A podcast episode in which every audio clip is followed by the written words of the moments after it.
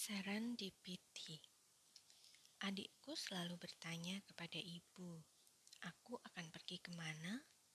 Bila mengetahui malam-malam aku menyetrika pakaian dalam jumlah banyak. Lalu, ibuku yang akan bertanya kepadaku, ke mana lagi aku akan pergi? Aku beruntung memiliki keluarga mau memahami semua perjalanan-perjalananku. Meskipun kadang ibuku bertanya, apa yang dicari Swan? Apa yang dicari Matthew? Apa yang dicari Sandra? Duko? Apa yang kalian cari? Kenapa hidup nyaman di rumah tidak menjadi pilihan kalian? Pertanyaan ibuku pasti juga akan tertuju untuk Manuela, Mika, Daniel, dan Jonas bila ibu mengenal mereka. Ini adalah kami. Aku, Manuela, Mika, Daniel, Jonas, dan Gunung Bromo. Cuaca sangat tidak bersahabat. Hanya dalam beberapa jam sebelumnya, aku berkeringat di dalam bus ekonomi Surabaya Probolinggo, dan sekarang hujan sedemikian derasnya memaksaku meringkuk di pojok sebuah warung di samping terminal Probolinggo.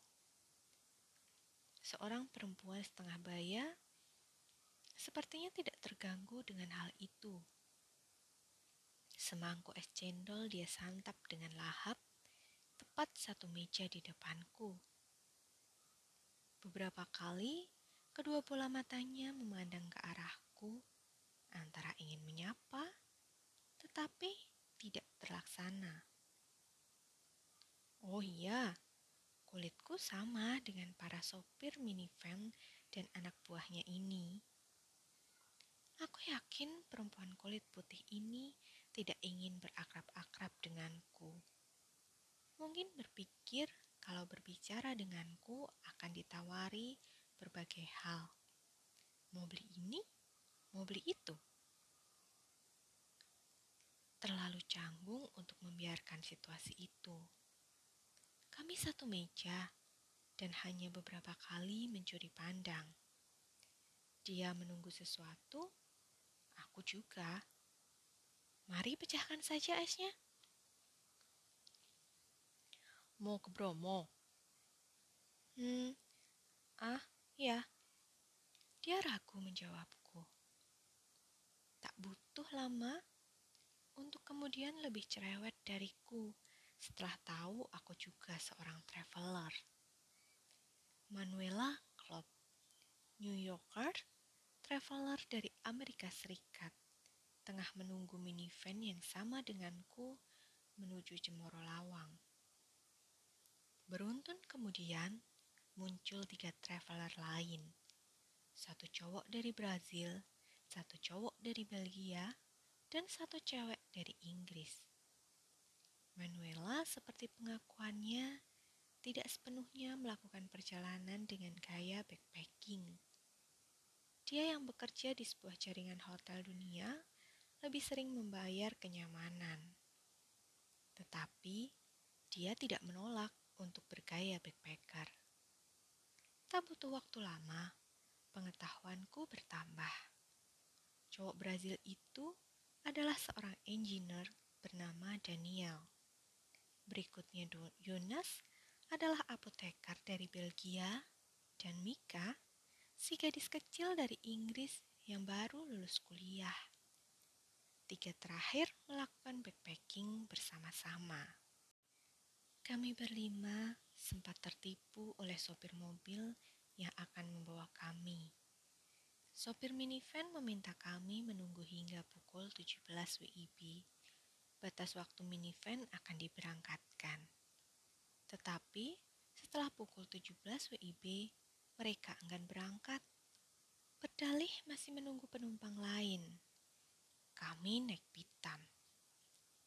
Mereka mau berangkat, tetapi mereka minta harga naik. Bukan seperti kesepakatan awal.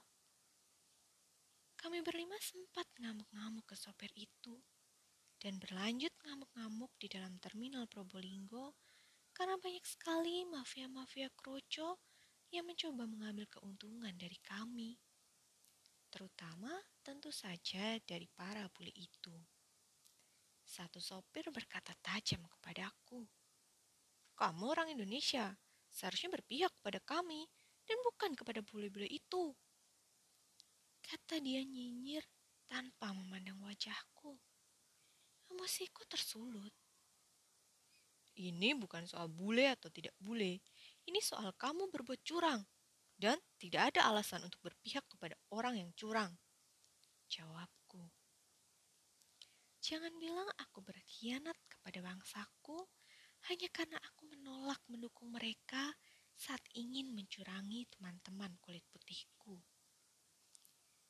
Kami memutuskan bila akhirnya tidak mendapatkan transportasi menuju promo, kami memilih untuk tinggal di hotel sekitar terminal. Hari mulai beranjak gelap kala itu. Tetapi, akhirnya kami pun berhasil mendapatkan mobil menuju Cemoro Lawang. Itu pun dengan susah payah, karena sopir-sopir lain tidak berani memberangkatkan kami, takut kepada sopir pertama yang sudah menipu kami. Malam gelap kami terguncang-guncang di dalam mobil. Tidak ada pemandangan indah sepanjang perjalanan menuju promo itu, hanya gelap gulita. Di dalam mobil, Jonas mengucapkan terima kasih kepadaku. Terima kasih telah membantu mereka hingga akhirnya mendapatkan mobil menuju promo. Hari sudah malam saat kami tiba di Cemoro Lawang. Aku kebagian melakukan nego mencari kamar murah. Manuela, meskipun sejak awal menyatakan tidak masalah dan siap membayar berapapun harga kamar, tetapi demi solidaritas, dia rela bergabung bersama kami mencari kamar termurah. Kamar seharga 120 ribu rupiah per malam yang bisa digunakan untuk bertiga ditolak oleh mereka. Meskipun menurutku itu sudah harga yang cukup bagus. Aku sempat diminta melakukan negosiasi dengan pemilik penginapan. Harga 100 ribu rupiah pun aku dapatkan, tetapi mereka tetap menolak. Duh, mau harga berapa lagi? Akhirnya, aku berinisiatif untuk mencari lokasi lain, yaitu menuju rumah penduduk. Aku mendapatkan rumah penduduk yang ternyata kamar-kamarnya disewakan. 50 ribu rupiah per malam. Kalau bertiga, ya nggak boleh. 75 ribu lah, kata bapak pemilik rumah. Aku tawarkan kepada empat bule yang jadi travel mates dadakanku itu. Mereka bilang, coba ditawar lagi. Toh hanya semalam, dan besok sudah akan meninggalkan Probolinggo. Aku sebenarnya sudah gondok. Udara ini sudah dingin sekali, dan kami belum juga mendapatkan kamar. Lalu mau harga berapa lagi? Ya sudah, 50 ribu rupiah bertiga tidak apa-apa. Tapi yang cewek tetap 50 ribu rupiah ya, meski berdua. Kata si bapak itu menyerah. Akhirnya para bule itu menyerah juga. Dua bule cowok akan sekamar denganku, sementara dua bule cewek berada di kamar terpisah. Di kamar cowok ada dua dipan kecil. Yang satu Dipan ukurannya tidak lebih lebar dan panjang dari ukuran tubuh laki-laki dewasa. Kami pun merapatkan dua dipan kecil menjadi satu dan tidur di atasnya secara bertiga, melintang seperti ikan bandeng yang siap diasapi. Si Brasil di sebelah kananku, si Belgia di sebelah kiri, dua-duanya ngorok. Dan ini tidak lagi terdengar mono, tetapi stereo karena masing-masing tepat di sebelah kedua kupingku. Dini, dini hari kami sudah bangun. Beranjak menuju penanjakan dua, salah satu viewpoint untuk menikmati sunrise. Berharap tidak ada kabut pagi ini sehingga kami akan menemukan sunrise yang sempurna. Di gelapnya malam, Manuela dan Mika terlebih dahulu dijemput supir motor sewaan. Bertiga mereka menembus dinginnya malam dari Cemoro Lawang. Sekitar 15 menit berikutnya, giliran Jonas. Dan angkatan terakhir adalah aku dan Daniel yang harus berbagi sedal motor dengan sang pengemudi motor yang masih bau kecut. Mungkin sama dengan bau kami karena semua tidak mandi.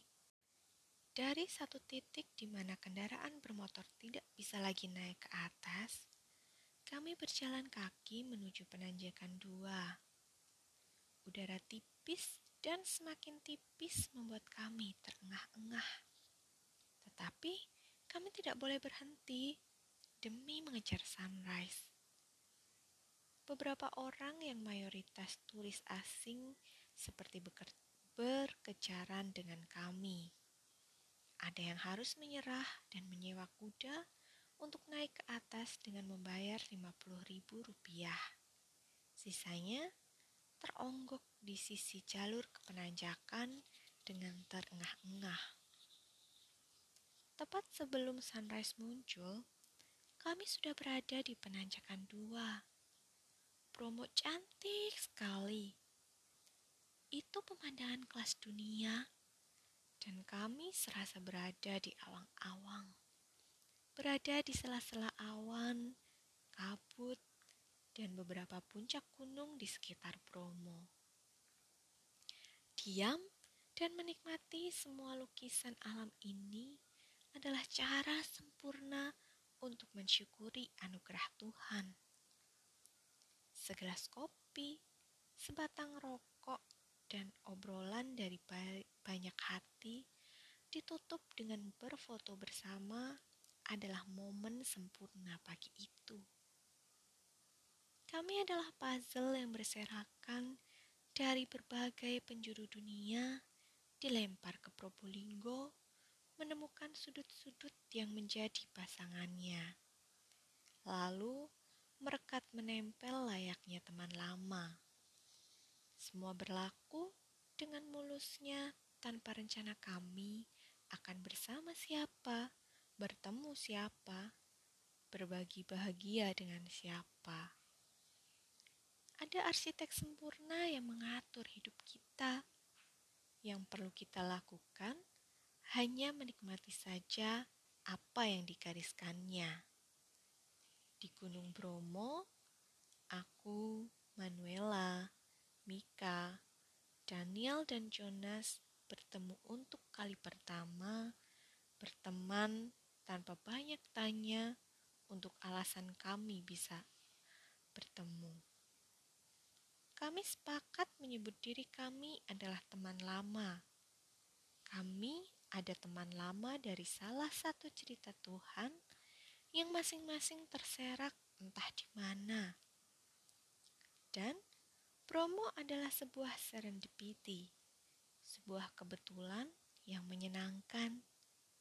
Tak perlu tahu apa alasan kami masing-masing saat memulai perjalanan ini. Rayakan saja, nikmati semua kebaikan Tuhan ini.